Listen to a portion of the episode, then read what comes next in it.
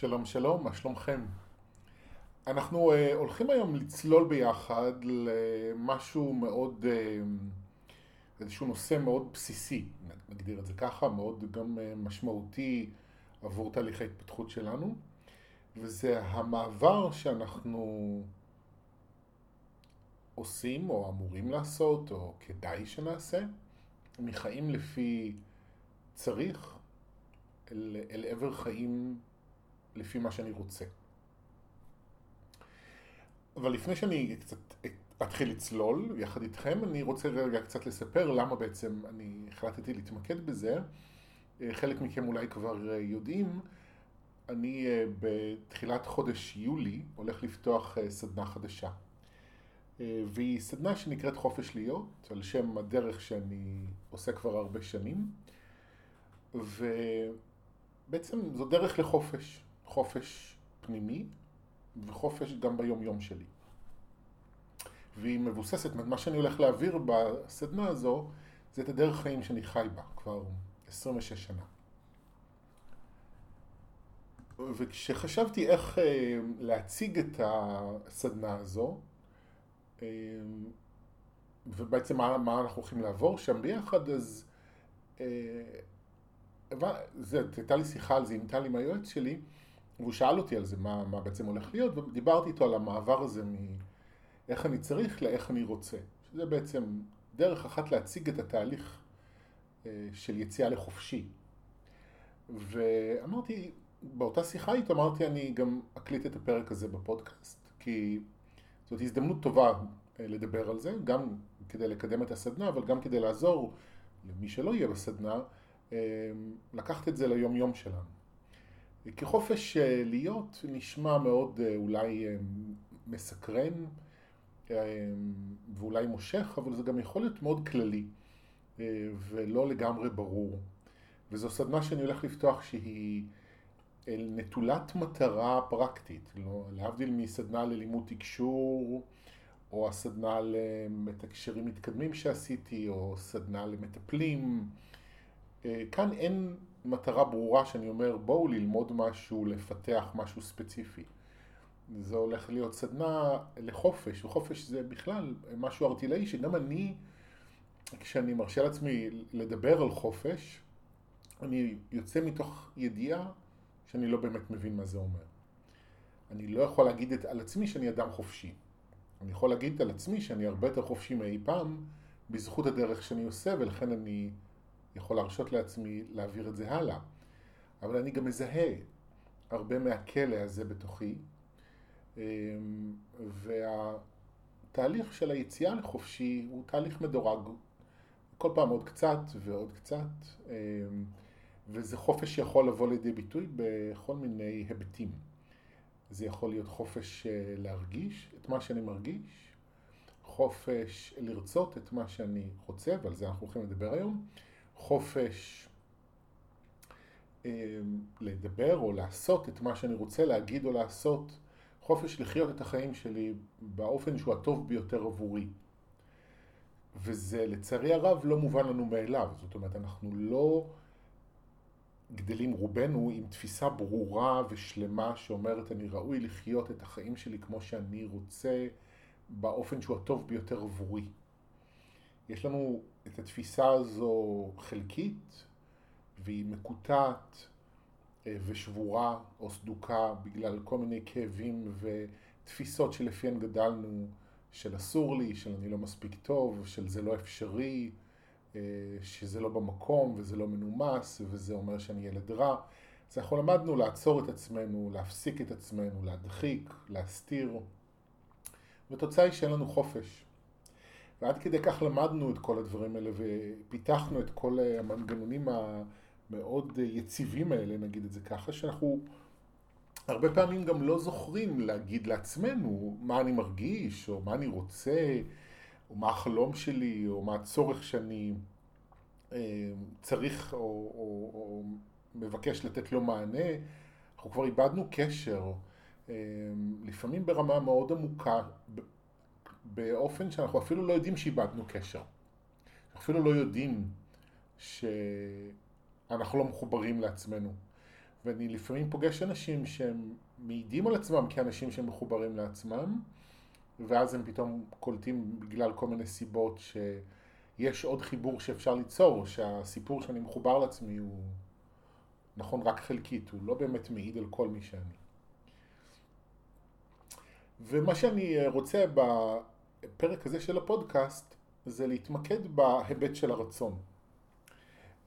ותואר גם, לא סתם דיברו על זה בתקשור שהיה בסוף שבוע האחרון, הם דיברו על הרצונות שלנו ועל הספק שיש בתוכנו, סביב אה, אה, מה אני רוצה, האם מותר לי להגשים את זה, האם אה, כדאי לי מבחינת, ה... לא מבחינת מה יגידו, אלא מבחינת מה אני אגיד כתגובה, האם באמת כדאי לי עבור עצמי, וזה ספק שיכול ליצור בלבול ואי ידיעה של מה אני רוצה, זה לחילופין יכול ליצור מצב שבו אני מתאמץ מאוד בשביל להשיג דברים שאני רוצה וזה לא כל כך עובד, או שאני משקיע הרבה מאוד אנרגיה בשביל להשיג אותם, וזה גם יכול להתבטא בתחושה של תקיעות וששום דבר לא זז. יש משהו מאוד בסיסי עם הרצון, זה שמותר לי לרצות, שאנחנו אה, לא מבינים שמותר לנו. ומה באמת, בעצם כן קורה? מה שקורה בעצם זה שאנחנו למדנו לשרוד. וכל אחד בהתאם למידת האהבה שהוא גדל בתוכה, ביחס הפוך למידת האהבה שהוא גדל בתוכה, כך גם אה, רחבה מהתפיסה שאני חייב להסתדר איכשהו, אני חייב לשרוד בתוך החיים האלה. כי זה ביחס הפוך. ככל שאני גדלתי ביותר אהבה, אני פחות חי בתודעה של הישרדות ויותר ב... לחופש להיות מי שאני. ולכולנו יש התמודדויות במקום הזה, כי אף אחד מאיתנו לא גדל וקיבל את מלוא האהבה וההקשבה והמענה שאנחנו צריכים. אמ, ואני מרשה לעצמי להגיד את זה, למרות שאני כאילו, גם יש לי איזשהו, לא כאילו, יש לי איזה קול פנימי שאומר, רגע, אבל אתה לא יודע הכל, ואולי יש מקרים. ונכון שאני מדבר בהכללה, אבל כי אני, כי אני גם יודע מניסיוני שה... המקרים אולי האלה שקיימים הם מאוד, הם מאוד נדירים.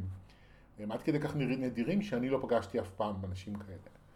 אז נכון שאני נמצא במסע רוחני ואני עובד עם אנשים, אז באופן טבעי האנשים שאני פוגש הם בעיקר אנשים שנמצאים באיזשהו חוסר, אבל גם מצפייה בעולם, בהתבוננות באנשים בכל מיני מקומות. מעולם לא פגשתי אנשים שאני יכול להגיד עליהם שהם גדלו בתוך איזה מענה שלם הוליסטי לכל מה שהם רוצים וצריכים. מענה אוהב, שלם והוליסטי. אז אנחנו למדנו לשרוד, שאנחנו צריכים איכשהו להסתדר. והלהסתדר אומר לחיות לפי איך צריך. והמשימה העיקרית של המנגנון הישרדות שלנו הוא איך אני צריך להתנהג, איך אני צריך להרגיש ולחשוב, כדי שלא יכאב לי. כלומר, זו השאיפה של מנגנון ההישרדות שלנו, שלא יכאב. מה זה אומר? זה אומר שלא ידחו אותי, שאני לא אחווה עוד פעם נטישה, שלא יצעקו עליי, כי אז אני מרגיש לא טוב עם עצמי, אה, ואני מרגיש שאני לא ראוי ולא מספיק טוב, בין אם בגלל שצועקים וכועסים, ובין אם בגלל שבתוך הצעקות והכעס גם אומרים את זה מילולית. אז המטרת העל היא שלא יכאב. ובשביל שלא יכאב אני לומד לתכנן וליצור אסטרטגיות רגישיות, מנטליות, התנהגותיות, מה להגיד, מה לא להגיד, מה לחשוב, מה לא לחשוב, מה להרגיש, מה לא להרגיש, מה לעשות, מה לבקש, מה לא לעשות, מה לא לבקש. אמ, וזה מנגנון כל כך חזק שאני פוגש גם אצל אנשים שנמצאים במסע רוחני, איך אנשים לוקחים אה, את המידע שהם שומעים, את התובנות שהם מגיעים אליהן, ומנסים לתרגם את זה לאיך, לתשובה לשאלה איך. זאת אולי השאלה הגדולה ביותר שאני נשאל במסע שלי, כשאני עובד עם אנשים, מדברים נגיד בטיפול על משהו או בשיעור בקבוצה, מדברים על משהו ומגיעים לאיזשהו פואנטה נגיד, איזשהו התפיסה הרגישית שמניעה את הבן אדם, שמנהלת אותו, ואז כמעט תמיד אנשים שואלים, אוקיי, אז מה אני עושה עם זה? איך אני יוצא מזה? איך אני פותר את זה? מה עושים? וזה מדהים בעיניי, כי אנחנו כל כך מתוכנתים לחשוב בצורה אסטרטגית. אז ואז אנחנו מבינים, נגיד, שבגלל שעברתי כך וכך בילדות, למדתי שאני אה, בעיני עצמי לא מספיק טוב, ואז כשאני מבוגר אני פתאום קולט שבגלל שאני תופס את עצמי לא, כלא מספיק טוב, אני מוותר נגיד בעבודה עם הבוס ואני לא עומד על שלי לגבי משכורת, אה, אני נותן לאנשים לצעוק עליי ואני לא עונה בחזרה, אני אה, לא מעז לעשות שינוי נגיד במקום שאני גר בו כי אני מרגיש שלא מגיע לי יותר מזה. אז פתאום, נגיד, אנחנו, פתאום יש איזו בהירות ואנחנו מבינים את הקשר. ואז מיד, אוקיי, מה עושים עם זה? כי אני פתאום קולט שהדפוסים שה, האלה, הרגשות האלה, מייצרים דפוסים שמייצרים כאב. זאת אומרת, זה כאב, בבסיס זה כאב שאומר, אני לא מספיק טוב, ואז הוא מייצר התנהגויות שעליהן אני משלם מחיר כואב. בשתיקה, בזה שאני מרוויח משכורת שהיא לא מתאימה, גר במקום שאני לא רוצה לגור בו, או מתמודד עם אנשים שצועקים עליי בלי שאני מדבר. אני פתאום קולט שכואב לי, ואז ישר, אוקיי, איך מתמודדים עם זה? מה עושים עם זה? עכשיו, אני אענה על השאלה הזו. אבל לפני זה אני רוצה רגע להגיד עוד כמה מילים, שעצם השאלה היא אחד הביטויים של המנגנון ההישרדות הזה. שאנחנו נעשה הכל כדי שלא יכאב. ואז באים למסע רוחני, לסדנאות, לטיפולים, כל מיני שיטות, ומחפשים את הפן הפרקטי של זה. איך אני עושה שלא יכאב לי יותר, שאני לא אתפשר יותר, שאני לא אוותר יותר, שאני לא אשתוק יותר וכן הלאה וכן הלאה. עכשיו, שלא תבינו אותי לא נכון, זאת מוטיבציה מאוד חשובה, כי אני רוצה לחיות יותר טוב. וזה גם הגיוני, שאני לא רוצה להמשיך להרוויח פחות ממה שמגיע לי, לגור בדירה שהיא לא טובה לי, לספוג צעקות ולשתוק מרוב פחד. ברור שמצבים מהסוג הזה זה דברים שאני רוצה לשנות ואני שמח שאנשים רוצים לשפר את איכות החיים שלהם כי אנחנו לא באמת צריכים להתפשר. זה בהחלט לא משהו שחייב לקרות לנו. אבל החיפוש הרבה פעמים אחר הטכניקה, האיך, הוא אמ, ניסיון להימנע מכאב נוסף. ואני יודע שאני הולך להציג עמדה שהיא לא מקובלת, היא שנויה במחלוקת בעולם הרוח בימינו, אבל בכל זאת היא העמדה שלי, אמ, זה שאני לא יכול להתפתח בלי לרפא את הפצעים האלה. זאת אומרת, את הכאב הבסיסי שמייצר כל מיני דפוסי התנהגות שהתוצאה שלהם היא פשרה וויתור והתקפלות וריצוי אה, ואני לא יכול לשנות את כל זה בלי לרפא את הכאב שיוצר את זה. אני חייב להגיע לפצע. אני חייב להגיע לזה. אני חייב להגיע לזה, לטפל בזה. עכשיו, הדרך שאני עושה בשביל לטפל בזה, האיך שלי הוא שילוב. הוא מצד אחד, יש בזה דברים פרקטיים. אני, כשאני עובד עם אנשים, אז אני גם מלמד מדיטציות, מנחה אנשים לעשות מדיטציות שיכולות לעזור להם. אני מציע תרגילי כתיבה שיכולים לעזור. אמ, אני ממליץ לכולם תמיד ללכת לטיפולים אמ, אנרגטיים כאלה ואחרים כדי לעזור, כי יש גבול למילים. אה, יש גבול למידת ההשפעה של השיחה, יש צורך גם להגיע לרבדים יותר עמוקים, שאי אפשר להגיע אליהם במילים, וגם אפשר להגיע אליהם לבד, זאת אומרת, יש דברים לעשות, אני לא אומר שאנחנו יושבים במערה, במדיטציה כל היום, ומחכים שהריפוי יקרה, ודרך אגב, גם לשבת במדיטציה כל היום זה לעשות משהו. גם אם זאת עשייה שהיא במהותה אי עשייה, זאת עדיין עשייה. אבל בו זמנית, הבסיס של הדרך שלי היא, הבסיס הוא להיות בזה. זאת אומרת, אני מזהה שאני מרגיש לא מספיק טוב, ולכן אני מתנהג בצורה שאני מתנהג, ומתמודד עם מה שאני מתמודד. ואז אני מתמסר לזה, אני אומר, אוקיי, אז אני אהיה לא מספיק טוב. אני אלך עם זה. וזה נכון לגבי כל דבר, אם אני מזהה שאני בביקורת ואני לא מפסיק לרדת על עצמי, אם אני מזהה שאני מפחד אה, להגיד דברים מסוימים בגלל כל מיני סיבות. כל דבר שקורה בתוכי שאני מזהה אותו ואני מבין שזה משהו שחשוב לרפא, השלב העיקרי, הצעד העיקרי בדרך הוא להיות בזה. המודעות, הנוכחות המודעת, המאפשרת, שאני מביא לתוך עצמי, מחוללת ריפוי. ואני לא צריך לעשות.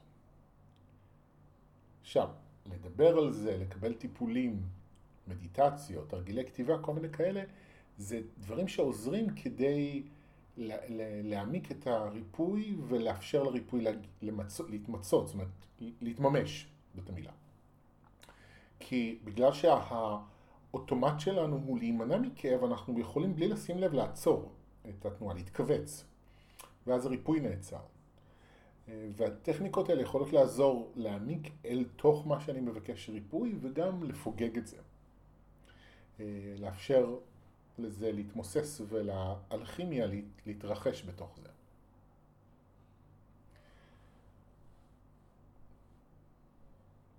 אז זה, זה הדרך.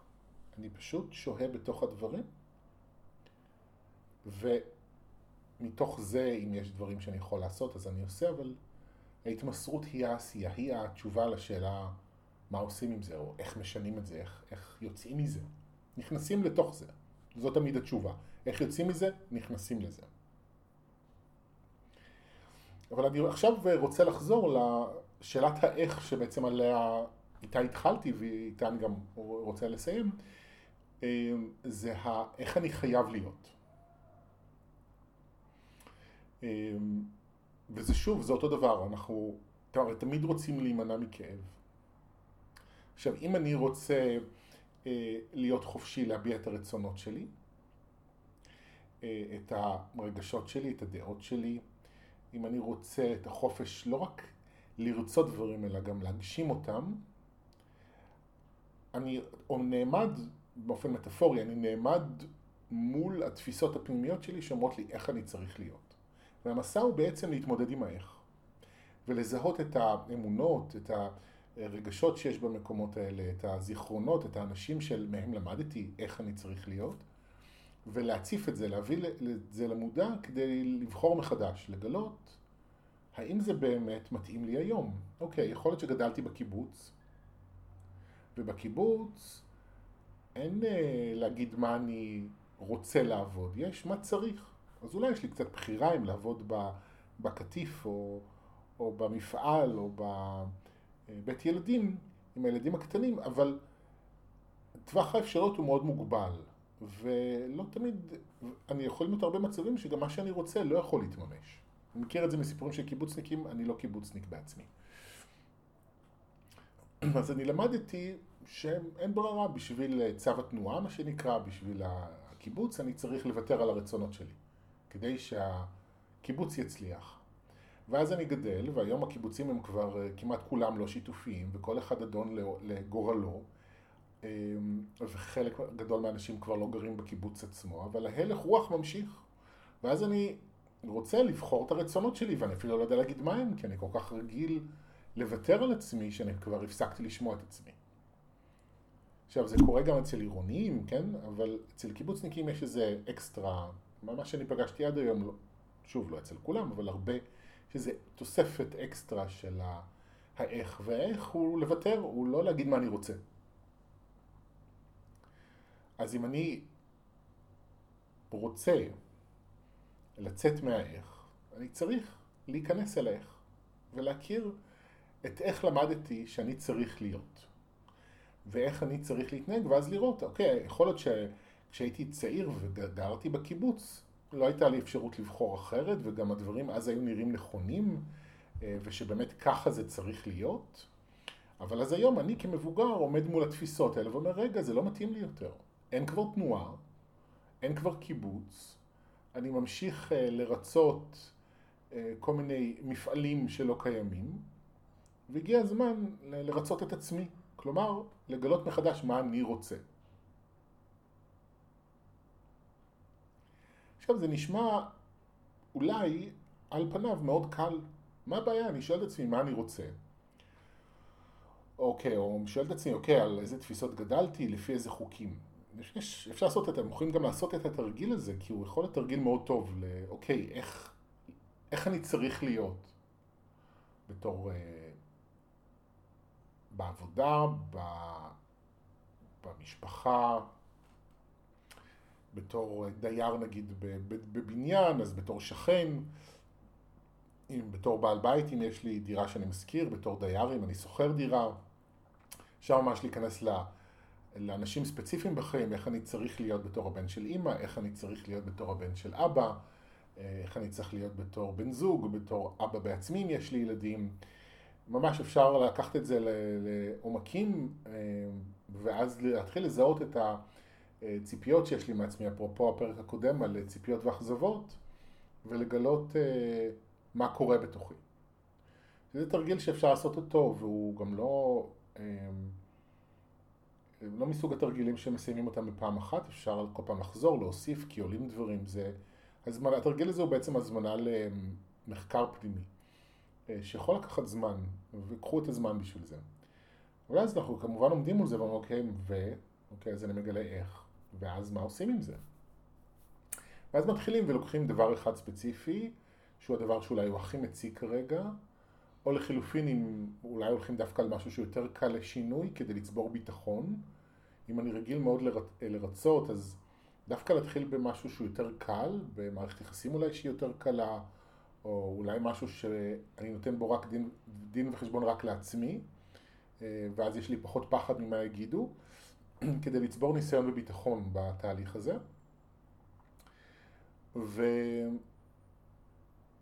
וכשאני בוחר את הדבר הזה, אני מתחיל להיכנס לתוך זה, אל הזיכרונות, אל הרגשות, אל מה יש בפנים, מתוך מה זה בא, וזה השלב המורכב בדרך. אמרתי מקודם, זה נשמע קל, זה לא קל, כי צריך להיכנס לתוך הכאב, לתוך הזיכרונות, לתוך הסיפורים. זה מקומות שהם מאוד לפעמים כואבים ועצובים, והאינסטינקט אה, אה, של הימנעות מכאב הוא לא אינסטינקט שגוי. אני לא יכול, הרי בתור תינוק, בתור אה, ילד, בתור נער, אני לא יכול ללכת כל הזמן כשהלב שלי כואב. אני לא יכול ללכת עם הפצע פתוח. אני חייב להסתיר את הכאב ולא להרגיש אותו. כי אי אפשר באמת לשרוד ככה, אפשר למות מזה. עכשיו תדמיינו שכאדם מבוגר, אני נכנס לתוך הפצע הזה, עושה מדיטציות, אה, משתתף באיזה כל מיני קורסי אונליין, כל מיני דברים. אני עושה את התרגיל כמו התרגיל הזה שאתם קיבלתם ממני מקודם, אם אתם רוצים. ואז אני נכנס לתוך הפצע, ואני לבד בתוך הפצע הזה. כמו שאי אפשר היה לעשות את זה בתור אה, ילד ונער ותינוק, גם לא כדאי לעשות את זה כמבוגר. אז נכון שזה אחרת, אבל זה גם לא אחרת.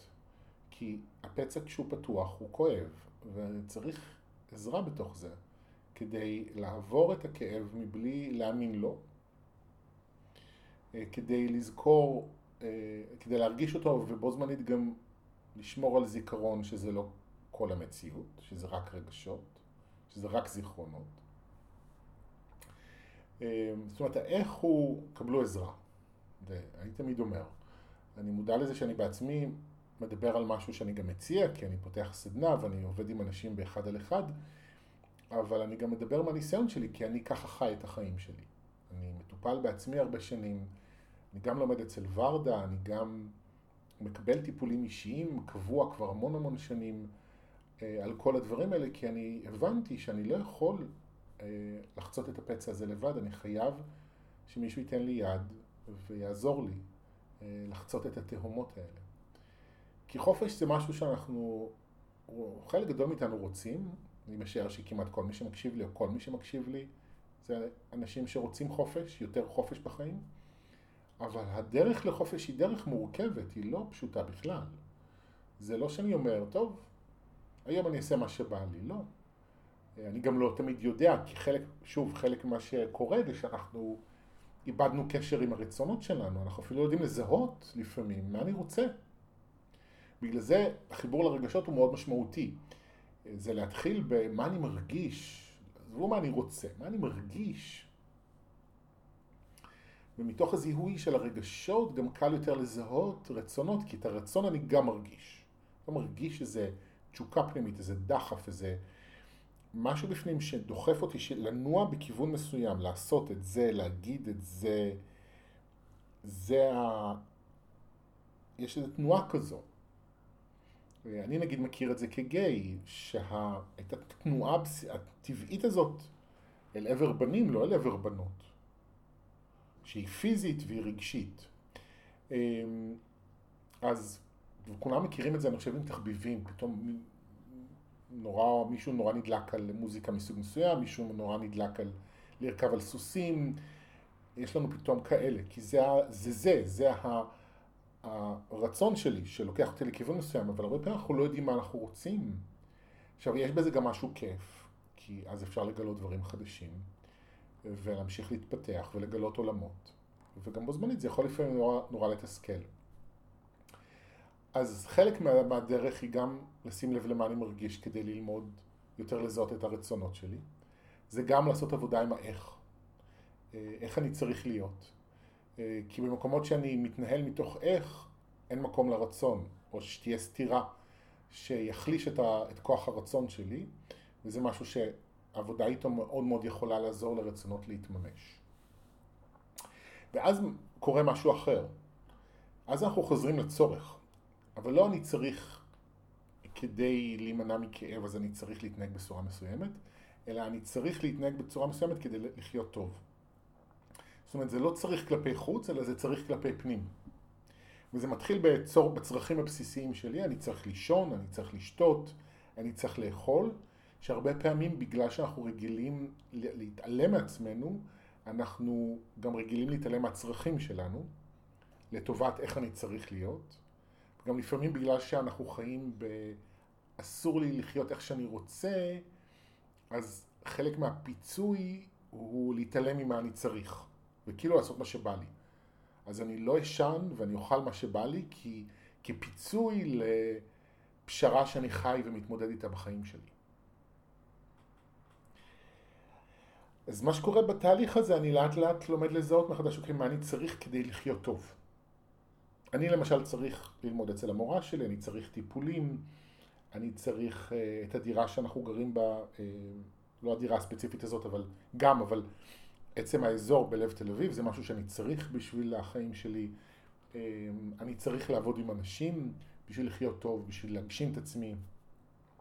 אה, אפילו הפודקאסט הזה הוא צורך בתוכי, שהוא גם, אני עושה את זה עבור אחרים, אבל אני עושה אותו עבורי. וכשאני עושה את מה שאני צריך עבורי, אז כל העולם שלי נראה יותר טוב. ומה שאני צריך עבורי הוא לעשות את מה שאני רוצה. זאת אומרת, זה מגיע באיזשהו שלב למקום שבו מה אני רוצה הוא לא שאלה, הוא, הוא הכרחי. אני לא יכול לוותר עליו. כי אני לא, יהיה לי שקט בפנים. אני חייב להיות נאמן לעצמי, גם אם אנשים לא בהכרח תמיד יאהבו אותי, גם אם אה, אולי זה יגרום לחיכוכים או לבעיות, אולי יש אנשים שיצאו מהחיים שלי כי פתאום לא יאהבו לגלות כל מיני חלקים בתוכי. גם במחיר הזה. ואני תמיד מזכיר בהקשר הזה שהאדם היחיד שאני אחיה איתו כל חיי זה אני, כל השאר אהובים וקרובים ככל שהם, נוכחותם מוטלת בספק, נוכחותי לא. ולכן אני תמיד אהיה חייב להסתכל על עצמי בעיניים ולדעת שעשיתי את הכי טוב עבורי. מה קורה עם uh, שאר האנשים, מה הם יגידו על זה או לא, אני לא אומר שלא צריך להתחשב בזה, שלא צריכה להיות רגישות, אבל לא צריכה להיות פשרה. לא צריך להיות ריצוי או ביטול. זאת אומרת שדרך זה שאני יוצא מהצריך לרוצה, אני חוזר למה אני צריך, אבל ממקום אחר לגמרי, של חברות, של נאמנות פנימית, של שיתוף פעולה. אז זהו, אני חושב שפה אני מסיים. אני מקווה שמה שאמרתי עזר, שזה נתן לכם נקודות למחשבה. אה, ואם אתם מתעניינים אה, בסדנה החדשה, אז תודיעו לי, אני אשלח לכם פרטים. יש גם בדברי ההסבר של הפודקאסט הזה, של הפרק הזה, שמתי לשם שינוי לינק לדף המידע, אתם יכולים לקבל שם את כל האינפורמציה. זהו, שיהיה לכם ימים מלאי רצון והגשמה. ביי ביי.